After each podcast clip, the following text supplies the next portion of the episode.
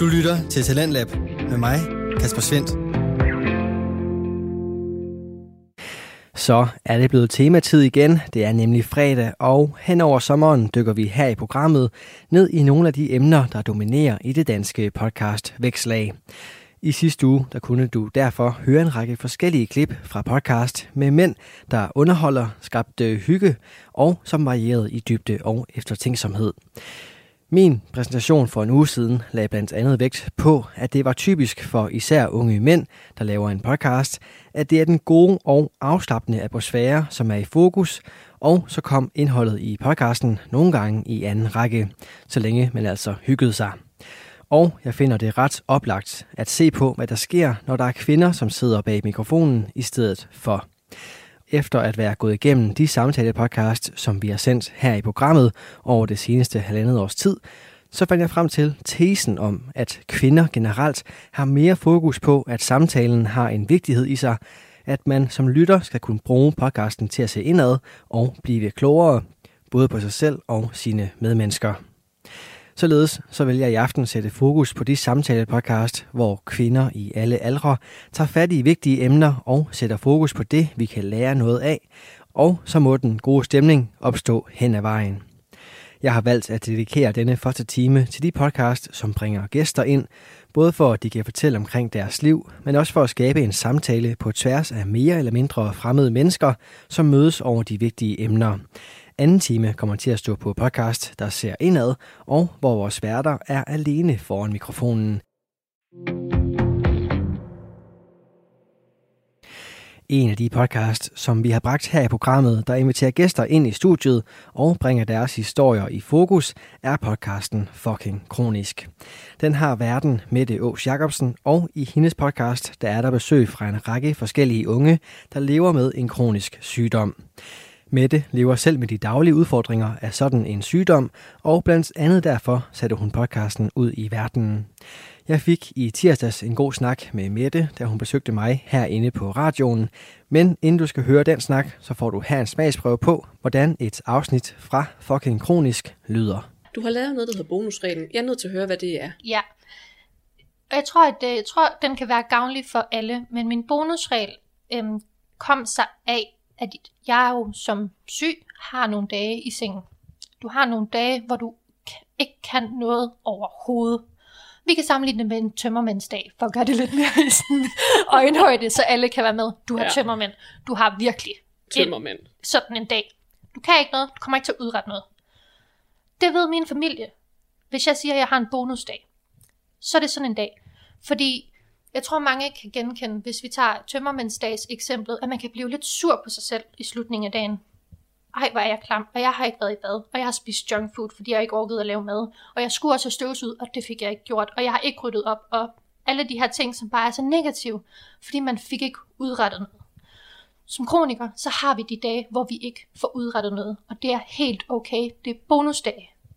Du kan ikke gå i minus på bonusdag. Du må ikke tælle alle de dårlige ting på bonusdag, for du kan ikke gå i minus. Du starter i 0, og du kan ikke gå i minus. Alt er bonus. Og, og et helt konkret eksempel fra en af mine egen bonusdage, der, der var jeg sådan til slut på dagen og snakkede med min mor i telefonen, og hun spørger, hvordan jeg har haft det, jeg var sådan, i dag har været en bonusdag. Så, så snakker vi lidt om, hvad jeg har fået udrettet, så hvad, det er, hvad er bonus. Men jeg har fået sat min elektriske tandbørste til opladning, og jeg har drukket saftevand af et vinglas.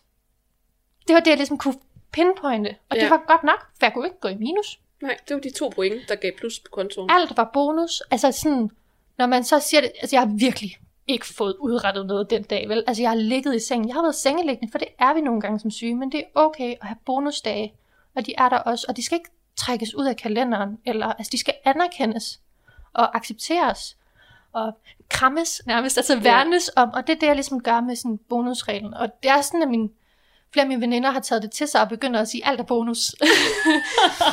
nu, altså sådan, det, du forventer. Du forventer ikke noget, du kan ikke gå i minus, alt er bonus. Det synes jeg er en fantastisk regel. Ja. Og den vil jeg da 100% tage til mig. Og jeg synes, det er mega fedt, at dine veninder har taget det til sig. Ja. Det, det er virkelig, virkelig rart. Og det der med, at for vi er bare så gode til at slå os selv oven i hovedet med alt det, vi ikke har fået nået. Hvis man i stedet for tog approachen og sagde, men du kan ikke gå i minus, alt det du når, er, er bonus. Det synes jeg er en fantastisk regel. Helt ærligt. Den burde alle tage til sig. Ja. Ja. Er meget, om man er kronisk syg eller ej. Hvad, hvordan, ser, øhm, hvordan ser din fremtid egentlig ud? Øhm, altså, jeg er jo sådan set så heldig, at jeg godt kan tillade mig, eller hvad man kan sige, at dr- drømme, eller sådan at, at tænke på min fremtid. Jeg ved, at jeg skal bestige det her lille bjerg med stomi, og så ved jeg, at der er en transplantation på et tidspunkt. Men på den anden side af det, så ser jeg jo egentlig kun fremgang for mig selv. Men jeg må også indrømme, øh, og, og specielt nu, hvor jeg sidder i, at jeg potentielt i næste uge skal have anlagt en stomipose, og jeg egentlig ikke rigtig kan få mig selv til at brokke mig over det. Og grunden til, at jeg ikke kan få mig selv til at brokke mig over det, det er fordi, at jeg ved, at jeg har en større ting i vente, som jo er transplantationen. Og der er det jo faktisk helt vildt, at du sidder over for mig, fordi du har været igennem præcis det, som jeg skal igennem. Ja. Men, men, øh, men det er noget, der godt kan øh, altså, bekymre mig og, og gøre mig bange, hvilket jo er helt reelt. Men øh, jeg har meget sådan, jeg har et meget stramt forhold til hele den her venteliste situation. Øh, jeg er blevet opereret flere gange. Det er ikke operationen, der skræmmer mig, selvom det måske burde være det, eller hvad man skal sige. Men der er jo ikke noget i det her, der er rationelt nødvendigvis, når man tænker sådan nogle tanker. Som, som kronisk syg, og jeg taler kun på mine egne vegne, men der er givetvis andre, som vil synes det samme. Som kronisk syg, så har man forholdt sig til, at ens sygdom kan forkorte ens liv. Og det er okay. Altså, jeg har det okay med, hvis min sygdom forkorter mit liv. Men, jeg vil ikke dø på venteliste.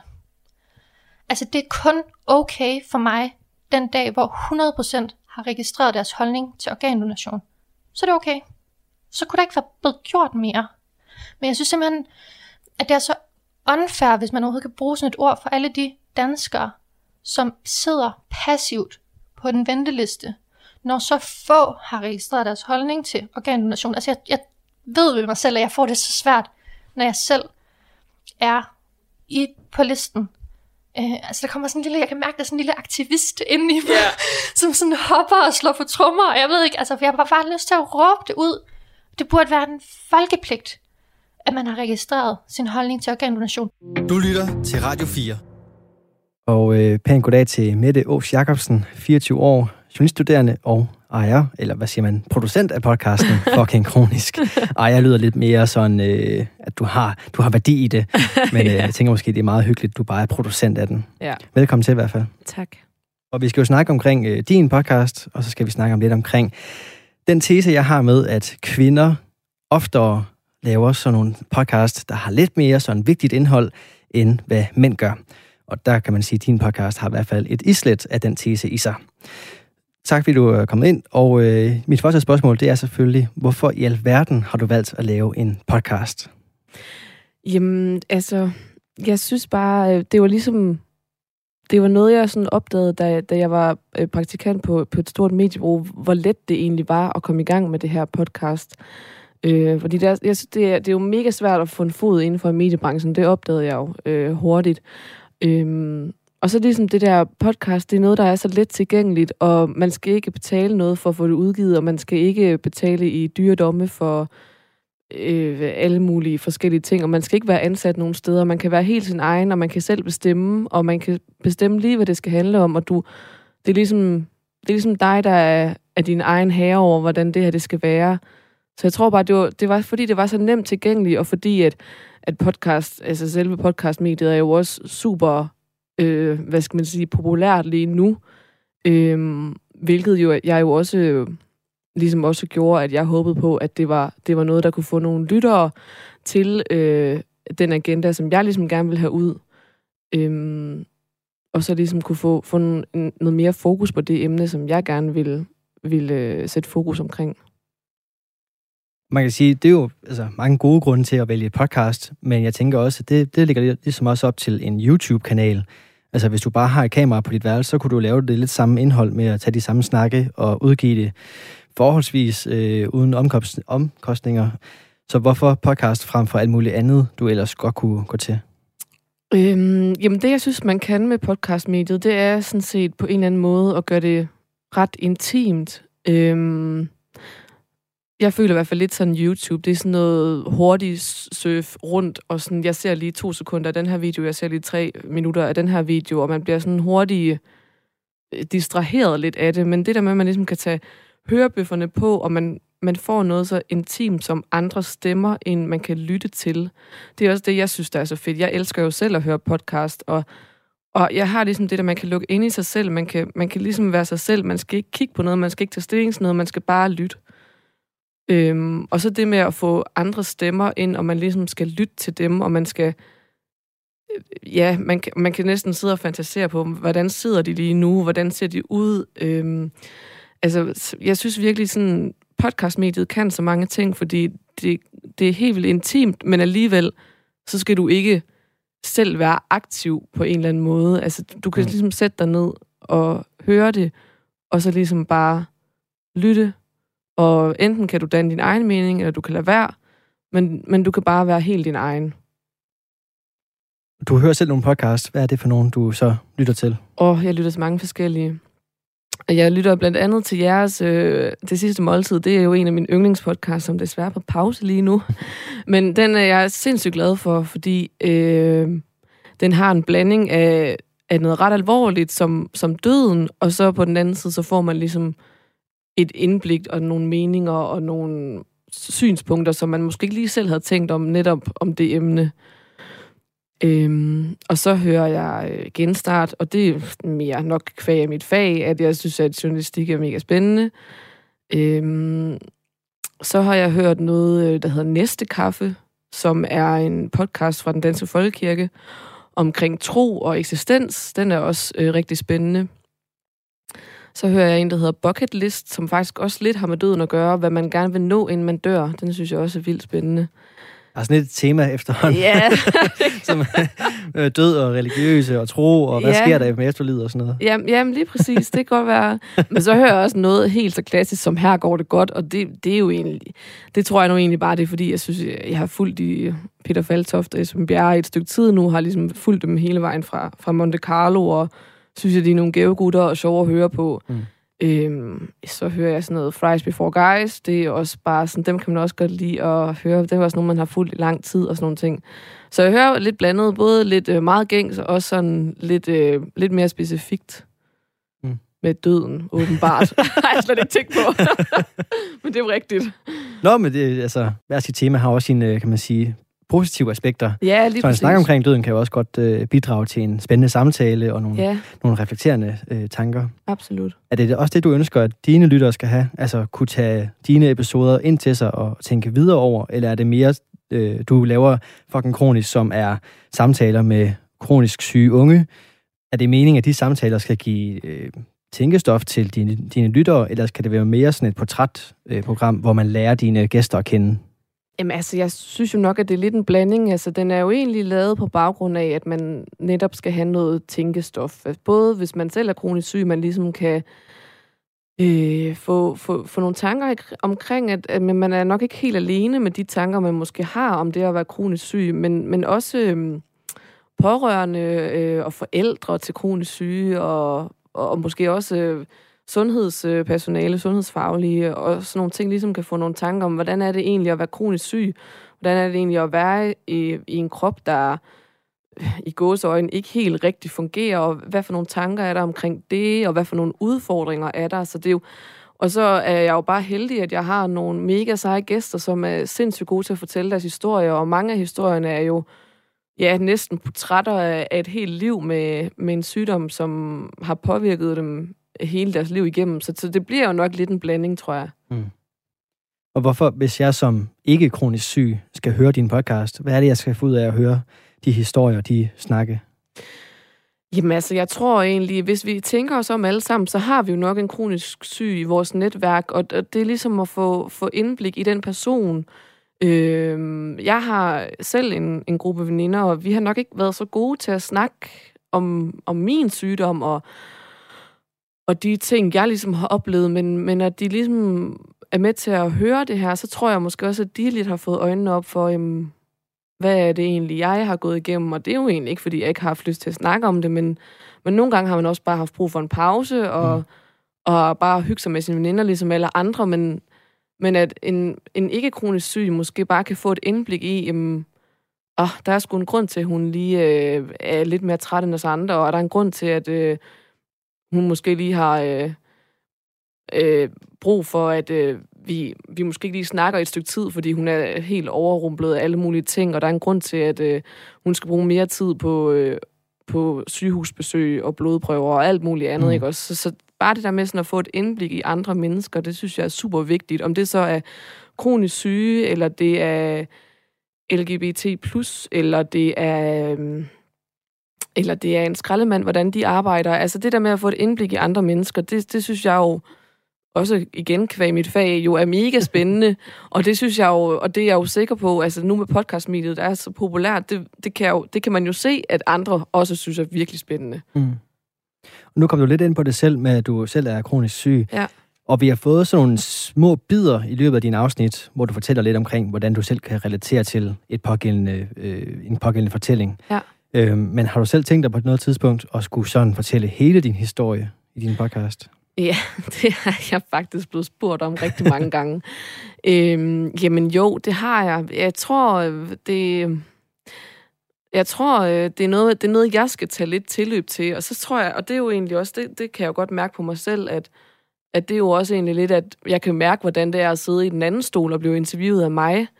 Hvordan det er, at, altså, at, at de skal fortælle deres historie, og så sidder jeg måske her og tøver lidt med at fortælle min egen. Øh, men det viser jo også bare, hvor, hvor fedt det er, at folk øh, har lyst til at stille op, og, og, det, og jeg ved jo også absolut, at det heller ikke er nemt, og det er bare heller ikke lige noget, man gør. Mm. Øh, jeg har åbnet lidt op for det i, i et program, jeg var med i øh, på Radio Loud, hvor, øh, hvor vi snakkede om, om omkring øh, psykisk, øh, hvad hedder det, mental sundhed hos kronisk syge unge. Og det, jeg var ikke helt, jeg var heller ikke helt klar over, at det kom så tæt på, at hele min historie egentlig blev foldet, eller noget af min historie egentlig blev foldet ud mm. øh, der. Men, men det var også sindssygt grænseoverskridende for mig, og det blev sendt live, og dengang jeg kom ud af studiet, der tænkte jeg også, hvad fanden har jeg lavet? Altså, hvad har jeg gjort? Jeg har virkelig siddet og udleveret mig fuldstændig lige nu her, men men på en, på en anden måde, så synes jeg også, at det var mega rart, fordi at det... Altså, min historie bliver, bruger jeg jo til ligesom at sætte fokus på nogle ting, og bruger den til at lave podcasten, og bruger den til at, at, være, at være frivillig i forskellige foreninger, der ligesom skal sætte fokus på kronisk sygdom, og, og hvilke udfordringer er, og hvordan man kan løse de udfordringer. Så, så, så det er jo også noget, jeg gerne vil. Altså, jeg mm. bruger jo min sygdom til, til noget, hvad skal man sige, noget produktivt. Øhm, og det, og det er jo også noget, jeg mega gerne vil. Så det, så det, så det, det jeg bruger den jo positivt, hvad skal man sige. Mm. Jo, men ligesom dine gæster deler ud af din historie, så ja. andre kan relatere til den, eller andre kan, kan få noget ud af den. Lige præcis.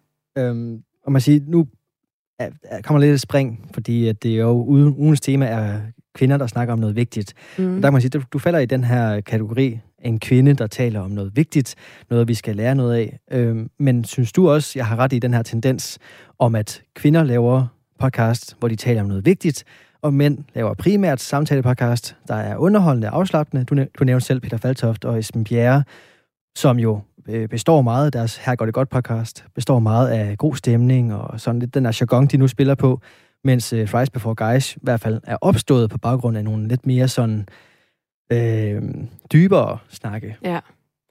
Jamen, øh, og, det, og det er jo sjovt, fordi at, øh, da, du, da du sendte mailen til mig om det her tema, der tænker jeg jo sådan lidt seriøst. Altså, det synes jeg, det var sådan lidt mærkeligt. Det havde jeg slet ikke tænkt over. Men så rendte jeg jo lige igennem mit podcast feed, og kunne jo godt se, at det egentlig var rigtigt nok. Eller, det, det er i hvert fald, det, som du siger, det er en tendens, at man mm. kan se, øh, og specielt også øh, dem, jeg hører, altså... Øh, altså for eksempel sådan noget som øh, det sidste måltid med Lærk Kløvedal, det er jo, det er jo øh, heller ikke sådan fis og blade, det er jo også mere sådan et eksistentielt spørgsmål, og, og ligesom at grave lidt dybere omkring mm. døden, og, og så nogle ting der, hvor ja, Esben Bjerre og Peter Faltoft har en stor del humor i deres øh, podcast.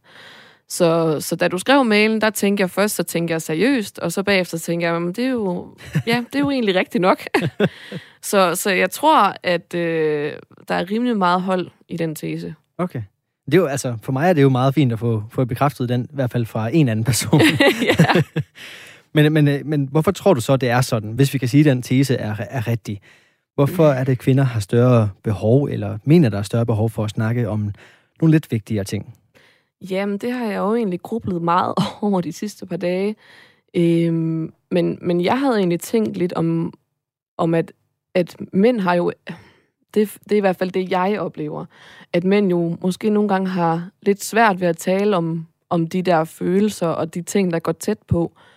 Øh, hvor at øh, de ofte krydder det med lidt humor for ligesom at løfte stemningen lidt, hvor kvinder måske er bedre til at sætte sig ned og, og snakke om de svære ting, Øh, så det tænker jeg helt sikkert kunne være, kunne være en af grundene. Og så ved jeg bare ikke, om, om, om kvinder måske også har en tendens til ligesom at gerne vil råbe højt en gang imellem. Øhm, altså, er de mere øh, anarkistiske? Er der, er der større behov for kvinder til at, at slå på trummen og sige, nu skal I kraftedeme høre efter, undskyld mit sprog? Jamen, jeg tror ikke, der er et større behov. Jeg tror bare, jeg tror måske bare, det er det, kvinder gør en gang imellem. Og det er ikke, fordi der ikke er mænd, der gør det, men, men der er jo bare oftest tit flest kvinder, der gør det. Altså virkelig øh, stiller sig op og råber højt og slår på trummen mm. øh, for ting, de synes er vigtige. Øh, og det er ja, som sagt ikke, fordi der ikke er mænd, der gør det, men, men der er bare ofte også tit kvinder, der gør det. Og det her som med at råbe op, om man så er kvinde eller mand, det er sådan set ligegyldigt når man som podcaster råber op, eller når man som YouTuber råber op, eller hvad, hvad man nu kan være, kan man bruge det til noget som almindelig borger? Altså hvis man hører en podcast, øh, hvor der er nogle værter, der har noget på hjertet, eller hvis der er nogle gæster, der fortæller deres historie, eller hvis der er en øh, Instagrammer for den sags skyld, som har noget på hjertet, altså kan vi bruge det til noget? Jamen, det synes jeg da helt bestemt, man kan. Altså igen, det der med ligesom at få et indblik i andres liv. Jeg tror nogle gange, man har en, eller alle måske, nogen har en tendens til at gå i deres egen lille verden, deres egen lille osteklokke, og, og tænke lidt mest på dem selv, og hvad skal jeg have til aftensmad i aften, og hvor jeg skal på arbejde klokken 8, og jeg skal til fest fredag aften. Men ligesom at se, hvad skal man sige, se lidt ud over egen næsetip en gang imellem, og sådan få en indsigt og et indblik i andres liv, og ligesom også kunne lære lidt af det. Altså, jeg synes det også helt sikkert, at jeg lærer en masse af de podcasts, som jeg hører, får det vildt meget øh, med af det. Øhm, og, og det er jo det også, jeg synes, at det er jo det igen, podcast er mega, godt, mega god til. Den, den, det er ligesom noget, man kan tage fat i, når man har tid, og det er ikke noget, hvor man sådan skal... Man skal ikke sidde ved tastaturet og skrive sin mening. Man skal ikke øh, sidde og diskutere noget med andre. Man kan bare sætte sig ned og lytte, og så kan man ligesom lære noget af det. Øhm, og det. Og det er jo noget, man kan på alle tider af døgnet. Så det, det ja, igen, det, det bare, jeg synes, det er noget af det, som podcast kan, og som jeg synes er mega fedt. Og man kan sige, eller jeg må sige, at det, lige præcis din podcast giver jo et indblik ind i en verden, som jeg havde meget, meget lidt viden om på forhånd. Øh, og nu, når jeg har hørt din afsnit, jo ligesom får et, et andet blik på, hvordan det er at være kronisk syg, øh, og især at være kronisk syg, mens man er ung og gennemgår de udfordringer og de udviklinger, som, øh, som jeg selv har været igennem øh, og har oplevet på en helt anden måde. Men, øh, men du skal have stor tak for i hvert fald at dele dine gæsters historie og også på sigt din egen øh, så småt. Det var så, så lidt. Og tusind tak, fordi du kom ind i studiet i dag selv og til en tak. snak. Det var, det var rigtig, rigtig godt. Du lytter til Talentlab med mig, Kasper Svendt. Det var her først et klip fra podcasten Fucking Kronisk, og derefter min snak med verden Mette Å. Jacobsen, som satte et par ord på, hvorfor hun også kan ane en sammenhæng imellem samtale-podcast, temaer og det køn, som står bag diverse podcasts. Og som hun også nævner her i vores samtale, så findes der selvfølgelig eksempler på podcast produceret af mænd, der tager vigtige emner op. Vi har præsenteret et par stykker eller to af dem her på programmet, og så findes der ligeledes kvindelige podcasts, som sætter fokus på den gode, afslappende og underholdende stemning, uden altid at have noget samfundsrelevant eller andet vigtigt at tale om. En podcast, der både kan underholde, men også sætte fokus på et par vigtige emner, er podcasten Fucking Single, aftens anden, men også sidste podcast med ordet fucking i titlen.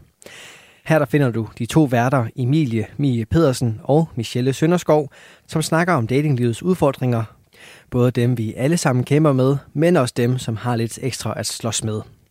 Derfor der kan du finde afsnit, som har besøg af personer med muskelsvind, depression og personforstyrrelser, men også afsnit, der undersøger, hvordan Tinder-appen fungerer, og som i det afsnit, jeg har med til dig her til aften, en snak omkring kærlighedsjagten i gode gamle dage.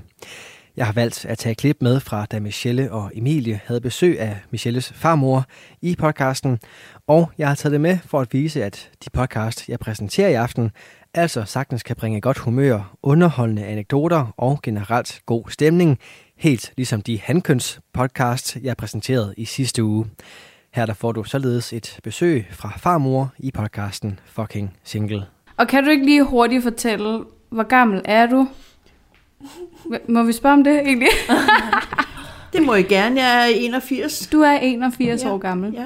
Det kan man ikke se. Nej, Nej, tak for det. Ja, hold da godt. ja og, det er ikke, og det er ikke bare fordi, at du er min farmor, jeg siger det. Du er en... Øh... Hvad med alt det grå hår? Ja, det er, jo, det, er jo, det, er jo, det er jo et valg, du lige har taget må med at få det. grå hår. ja. Du har altid farvet dit, dit hår, faktisk. Ja, Ja. Men nu er det blevet gråt. ja. Nu er desværre. det. Ja. Nå. Og farmor, for at lære dig lidt bedre at kende, til dem, der lytter med, øhm, så har vi øh, de gæster, der er herinde. Dem, øh, de kommer lige igennem sådan en 10 hurtige, 10 hurtige spørgsmål, hvor, at, øh, hvor jeg stiller nogle spørgsmål, og så skal du bare svare på dem. Og jeg er lidt, jeg er lidt, øhm, jeg er lidt spændt på, om du ved, hvad nogle af spørgsmålene betyder. Men det tager vi jo så bare hen ad hånden. Okay, er du klar? Yes. Er du romantisk anlagt? Ja, måske. kan, du godt, kan du godt lide romantik? Ja, det kan jeg godt. Ja. Ellers så sad jeg jo ikke og så alle de julefilm, vel? Nej, det er rigtigt. Og hvis du skulle på en date, skulle det så være et offentligt sted? Eller, så, eller skulle det være hjemme hos dig selv? Overhovedet ikke hjemme hos mig. Nej, Og helst slet ikke noget. du gider ikke på date. Nå, tredje spørgsmål, farmor. Hvilken scorereplik virker hver gang? Jamen det ved jeg ikke, for jeg prøver jo ikke. Jeg flørter kun lidt en gang imellem. Du flørter kun lidt i gang. lidt. Hvad med i gamle dage? Oha. Oh, Men det kan jeg jo ikke huske, hvad jeg, hvad jeg gjorde. Nå. Det var måske også mere manden, der tog initiativ. Ja, det var ja. det. ja. Og, det, og det kommer vi jo tilbage til, Ja, faktisk. det kommer vi tilbage til. Det skal Ja. vi snakke meget mere om. Ja. Øhm, hvis du skulle på en, altså nu snakker vi helt hypotetisk, ikke? Fordi at, øh, du gider jo bare ikke det der dating der. dating. Men hvis du skulle på en date, vil du så tænke over, hvad du spiste eller drak, inden du skulle på date? Nej, Nej, det ville jeg ikke. nej. Og heller ikke, øh, hvis du var sådan en ordentlig omgang hvidløg eller noget som helst. Nej, nej, nej, det skulle jeg slet ikke, for så var der jo plads rundt omkring mig hele tiden jo. Så kan man da også gøre det jo. Ja. Øhm, øh, er du til sex på første date? Nej, Nej. Okay. Hvem betaler regningen? Hvis... det gør han, for han har inviteret mig. Ah. Okay, og hvad hvis det var dig, der havde inviteret? Jamen det gør jeg heller aldrig nogensinde. Ja, vel så. Øhm, er one night stand a go eller no go? Ved du overhovedet, hvad det er? ja, ja, det er jo no-go. Okay, okay. Øhm, det her tror jeg ikke, hvad du... Jeg tror ikke, du ved, hvad det her det er. Øhm, ghosting.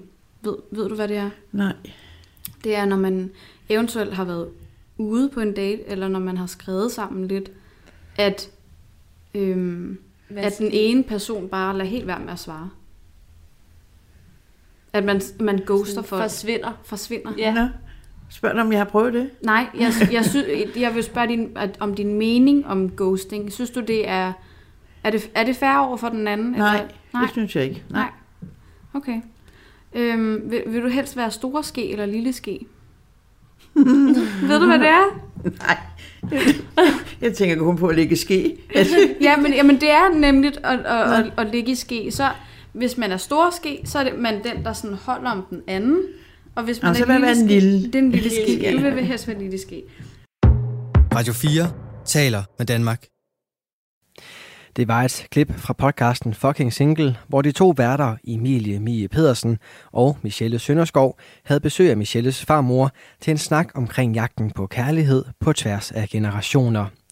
Det klip det fik du som eksempel på aftenens tema her i programmet, hvor jeg, Kasper Svens, præsenterer afsnit fra Samtalet podcast med kvinder som værter, for at give nogle udvalgte eksempler på, at podcast med kvinder bag mikrofonen har lidt ekstra fokus på de vigtige snakke.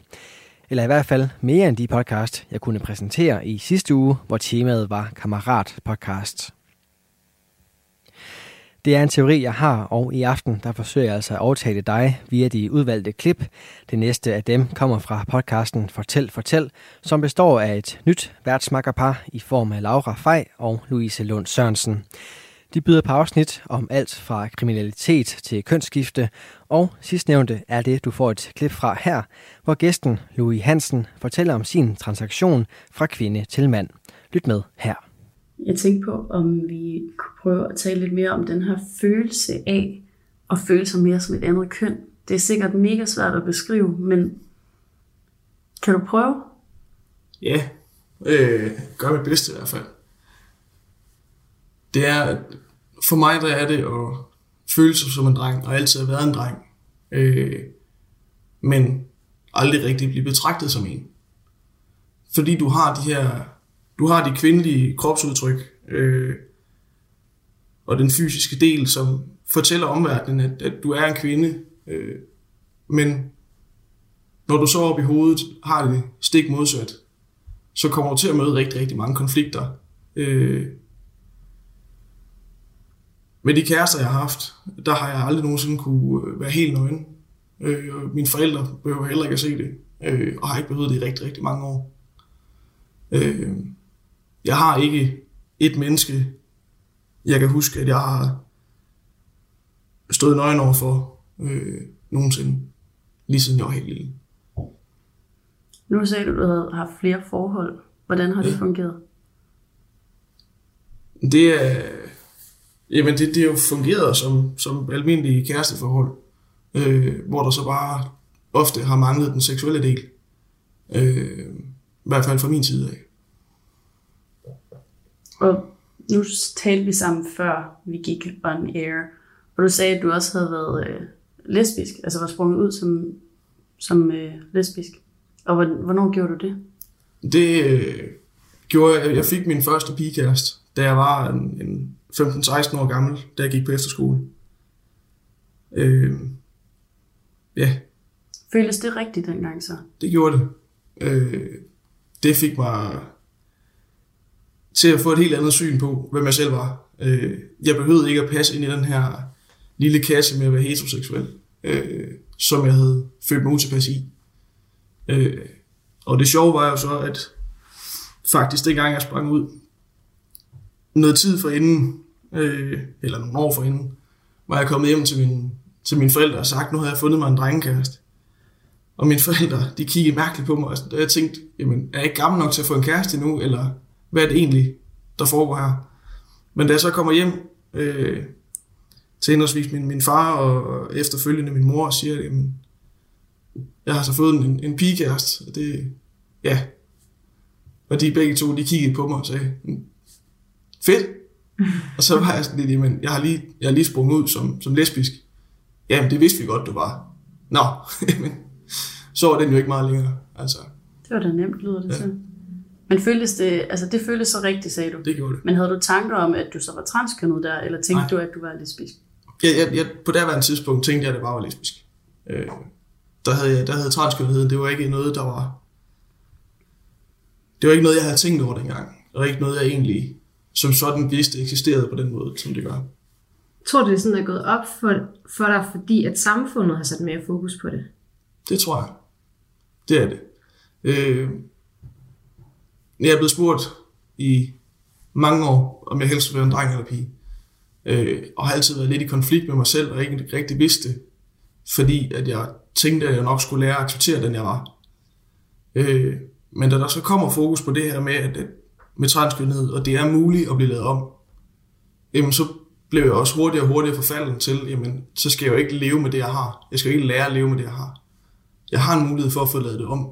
og blive den, jeg gerne vil være. Du lytter til Talentlab med mig, Kasper Svendt. Det var et eksempel på Danske Fritidspodcast, hvor kvinder tager vigtige emner op. Du fik her Louise Lund Sørensen og Laura Fej, der har podcasten Fortæl Fortæl. Gæsten i denne episode var Louis Hansen. Du er skruet ind på programmet her på Radio 4, der præsenterer og udvikler på Danske Fritidspodcast. I aften er det temaaften, og du skal derfor høre klip fra podcast, som er eksempler på tesen om, at kvindelige podcaster har mere fokus på vigtige emner, end på den gode stemning.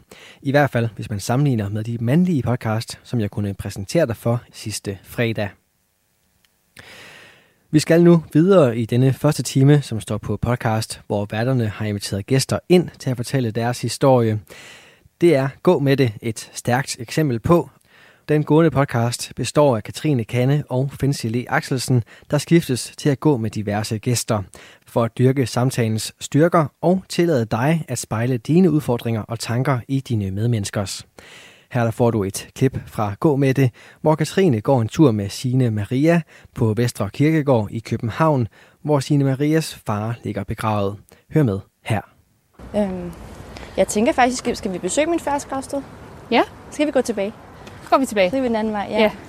ja. Øhm, det synes jeg da, vi skal. Men øh, ja. hvordan var sådan dit forhold, vil du sådan sige, til din far? Det var rigtig godt. Vi ja. havde et uh, super, super godt forhold. Det var også derfor, at det selvfølgelig tog enormt hårdt på mig, øh, at jeg mistede ham. Men uh, vi havde et sindssygt stærkt forhold, og vi har, vi har mange, af- når jeg sådan tænker på ham nu, så har vi mange af de her sådan menneskelige kvaliteter til fælles. Ja. Min far var socialrådgiver har og arbejdet meget med udsatte unge og misbrugere og hjemløse. Og jeg er, gået, jeg er jo gået lidt den samme vej, kan man sige. Jeg er, jeg er i hvert fald helt vild med at arbejde med mennesker. Ja. Og min far har brugt sin krop rigtig meget, og jeg bruger min krop rigtig meget.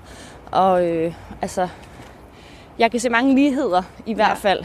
Og så Ja. var min far bare altså, super inspirerende i, at han var vanvittigt god til at være i nuet. Det var han virkelig. Det bliver der jo snakket meget om nu til dag, så man skal prøve at være i nuet. Men Ja. jeg vil simpelthen sige, at han var virkelig god til det. Ah, det er fedt. øh, ja, det var, høre. det var meget inspirerende at se og være sådan omkring hans meget rolige sind. Men det er måske også, fordi han var meget bevidst om det her med at, som du også fortæller selv, at bruge sin krop. Og, Ja. ja. Ja, det var sådan, at, at hver morgen, så skulle han ind og meditere en halv time. Og det var sådan noget, hele familien vidste. Så, Ja. ja.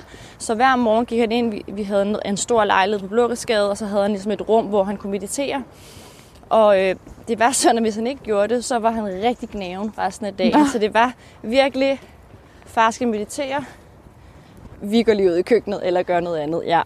Øh, Men ja, hvor tror du, din far han blev inspireret til at gøre det? Fordi Ja, det, det er jeg faktisk... slet ikke kunne forestille mig, at min far han skulle sidde og meditere. Nej, men det er, det er sjovt, fordi det, det fik jeg faktisk ikke spurgt ham om. Nej. Men øhm, jeg det ved, godt han være, har han rejst. ude at rejse eller et eller andet. Så. Jeg ved, han har rejst i Indien, ja.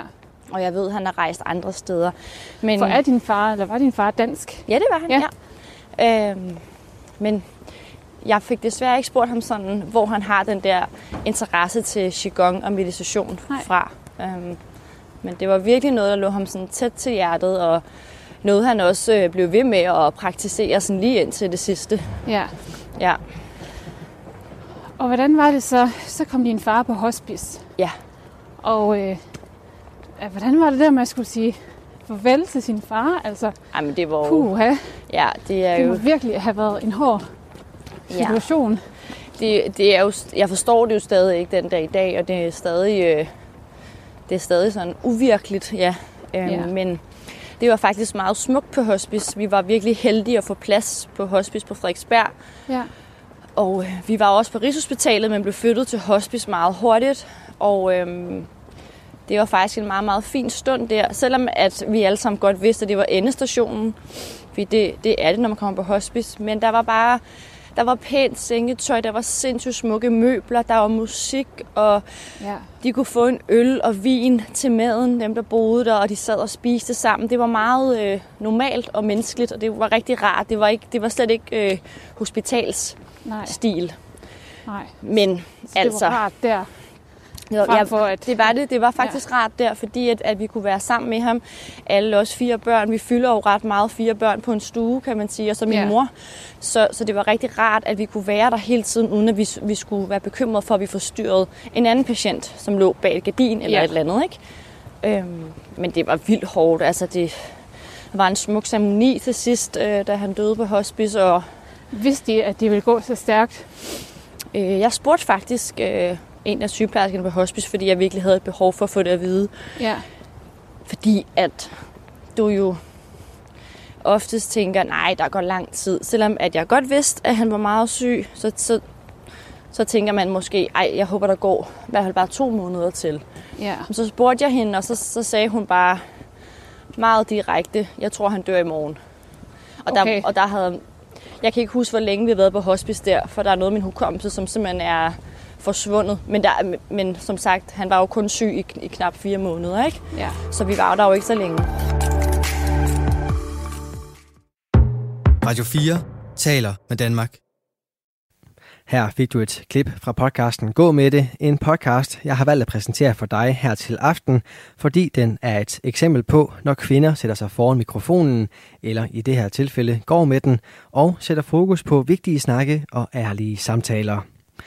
Vi er i gang med denne fredags tema i programmet på Radio 4, hvor du får nye stemmer, fortællinger og holdninger. I aften dykker vi ned i podcast, der sætter fokus på vigtige emner, og denne første time har stået på klip fra nogle af de podcast, der har gæster med i studiet. Den næste podcast, som opfylder det kriterie, er podcasten Klimastemmer, som har verden med Rete Jensen. Hun inviterer forskellige danskere ind til at tage den svære, men vigtige snak omkring vores klima i et forsøg på at bringe snakken omkring den globale udfordring ned i øjenhøjde og sikre sig en behagelig samtale, som ikke bare sætter advarselstegn i vores hjerne.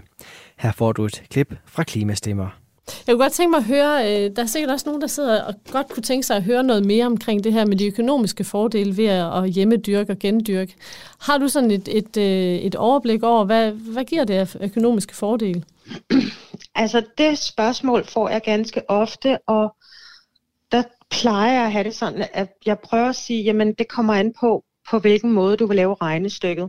Fordi, okay, en forsløg koster 6 kroner, øh, og det er måske ikke alverden i din verden. Øh, for nogle mennesker er 6 kroner faktisk rigtig mange penge. Øh, især folk på kontanthjælp, de skal ofte vælge mellem medicin eller mad. Øh, min personlige rekord, det er at spise de samme forslag 11 gange, plus for frø til videre såning. Øh, så på den måde begynder det at kunne ligne en økonomisk besparelse. Men vi skal også tænke på i regnestykket, at sådan en som mig, øh, jeg har fundet mit kald i livet, og hvis ikke jeg havde det, så kunne jeg forestille mig, at jeg havde været indlagt igen, måske endda flere gange, med angst, depression og stress. Og hvad koster det? Og hvad er udgiften for samfundets børn, når deres forældre går ned med nakken, og enten får et misbrug, eller bliver indlagt, eller hvad det nu kunne være? Mm. Det er, jeg synes, det er et meget stort regnestykke. Jeg har også været øh, med til at, øh, at beplante øh, udearealet i den lukkede del af psykiatrien på Rigshospitalet. Mm. Og der har man heller ikke kunne lave et regnestykke om, kan det betale sig, at der er blomster, hvor jeg synes, altså virkelig, skal vi snakke om det her? Skal vi lave et regnestykke, om det, kan, om det er federe for folk, der har det rigtig svært at sidde og kigge på en blomstrende have eller ind i en hvid væg? Jeg synes simpelthen, det giver sig selv. Selvfølgelig kan det betale sig. Mm. Og også når man gendyrker på over og får de her kæmpe store kuppelblomster sommeren over, hvad betyder det for bestøverne? Og hvis der er flere bestøvere, hvad betyder det så for fuglelivet? Hvad betyder det for lokalmiljøet? Hvad betyder det for verden? Jeg synes, det er et meget stort regnestykke, og jeg synes ikke, der er nogen indsats, der er for lille. Og jeg tror, at rigtig mange af os har sådan en følelse af opgivenhed over for det her med grøn omstilling og øh, overhovedet og øh, hjælpe med, at vi kan bo på en planet, som man rent faktisk kan bo på. Mm. Øh, der tror jeg, at mange mennesker kan føle sig meget små og ligegyldige. Men jeg kan simpelthen ikke se, at noget skulle være for småt til ikke at være fedt. Jeg kunne godt tænke mig at dykke lidt ned i den her, øh, at, hvor du har hjulpet til ude på Psykiatrisk Hospital. Er der nogle Øh, er der nogle øh, fantastiske historier, du vil fremhæve for os øh, i forhold til noget, du har set, der har gjort en forskel for nogen derude?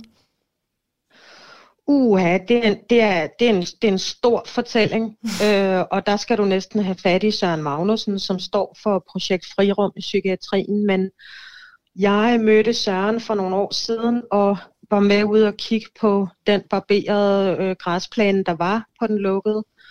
Øh, og der så jeg bare en hel masse muligheder. Øh, og så kan man sige, at jeg er sådan ved at have et navn inden for det grønne miljø, så jeg kontaktede nogle forskellige firmaer, endte med, at der var nogen, der donerede nogle højbede og jord, og så skrev jeg om det på min Facebook-side, Parcelles Hjemmedyr, hvor så begyndte folk at sende frø, og de kom forbi med stiklinger, og så har det egentlig bare vokset øh, derefter, og er blevet til, øh, at, at ja, for eksempel så øh, nu donerer Tivoli deres overskudsplanter til den lukkede, i stedet for at smide dem ud. Øh, og så Søren, der står for projektet, han er rigtig god til at se rigtig opgivende øh, og dum ud. Så han kan godt finde på at stå med sådan en hel masse tulipanløg eller paradisæbletræer, og så bare se sådan fuldstændig forhudlet ud. Og så før eller siden, så får patienterne ondt af ham, så kommer de og spørger, helt ærligt mand, er du okay? Så siger han, ja, men jeg kan sgu bare ikke, jeg kan ikke finde ud af, hvor jeg skal plante alle de her tulipaner om. Så skal vi nok hjælpe dig. Øh, så Søren planter egentlig ikke noget, og det gør jeg heller ikke. Øh, det er mere noget med at skaffe de ting, der skal plantes, og så øh, er det folk, der er indlagt. De får en oplevelse af, at de kan være med til, de kan bruges til noget, mm. i stedet for bare at være til overs. Mm. Du lytter til Radio 4. Og her fik du et klip fra podcasten Klimastemmer, hvor Marete Jensen sætter fokus på den globale udfordring, men prøver at bringe snakken ned i øjenhøjde. Du fik klippet her som et eksempel på de podcast, hvor kvinder sætter tonen an og får flyttet fokus over på de vigtige emner, der ellers tit bliver talt udenom. Det sidste eksempel, jeg har taget med i aften på en podcast, der tager gæster med ind, er Kulturledelse på høje hæle, som i den kommende sæson skifter navn til Kulturlederne, de kvindelige forbilleder. Det er altså under det navn, du kan glæde dig til flere afsnit fra verden Christina Madsons hånd, og i podcasten, der inviterer hun en række forskellige kvindelige ledere, som alle påvirker kulturen i Danmark. Klippet, jeg har taget med til dig her i dag, det er med gæsten Maria Rørby Røn, som er generaldirektør for Danmarks Radio. Den stilling har hun siddet i i lidt over 10 år nu, og du får her et klip fra da Christina Madsson tog til København for at spørge Maria Røn om, hvilke erfaringer den vigtige stilling har givet hende. Hør med her. Nej, jeg føler aldrig, at jeg har stødt på en mur. Jeg, jeg øh, oplever egentlig, at det, jeg er gået efter, er lykkedes langt hen ad vejen. Mm. Det, jeg tror er vigtigt, det er, at man er så bevidst om, hvad det er, der driver en, og hvad det er, der interesserer en, og hvad det er, man trives med til hverdag.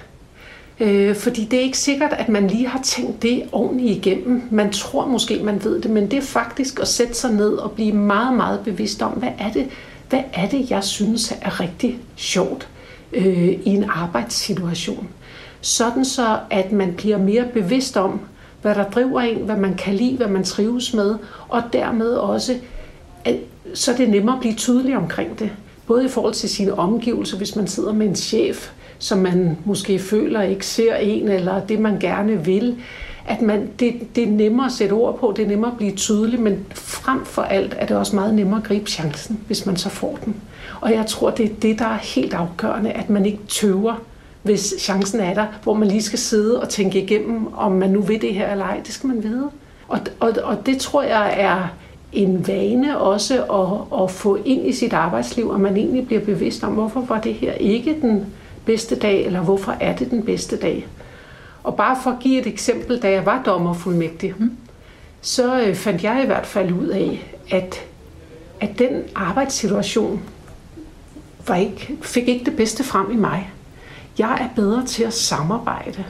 Jeg er bedre til at øh, være en del af et hold, hvor man løser nogle problemstillinger sammen. Som dommer er man faktisk ret ensom. Man lytter på en part, man lytter på en anden part, og så skal man træffe en afgørelse. Jeg bliver mere inspireret, og jeg føler, at jeg selv bliver klogere af at have diskussioner med folk. Også folk, der udfordrer mig, der tænker anderledes, der har en helt anden baggrund, der ser verden, hvis hjernen er skruet sammen på en helt anden måde. Det synes jeg både er inspirerende, men jeg synes også, at jeg bliver en dygtigere leder af det. Øh, og det, var, det blev jeg meget bevidst om, efter at have haft et job, hvor jeg faktisk manglede det. Jeg stor trives med at have et hold, hvor vi er forskellige, og hvor øh, man ser tingene forskelligt, hvor man også er uenige, hvor man bliver udfordret, hvor der er en kultur, hvor man tør sige alt. Jeg tror ikke på ledelse, hvor man øh, tror, at man selv altid ved bedst selv.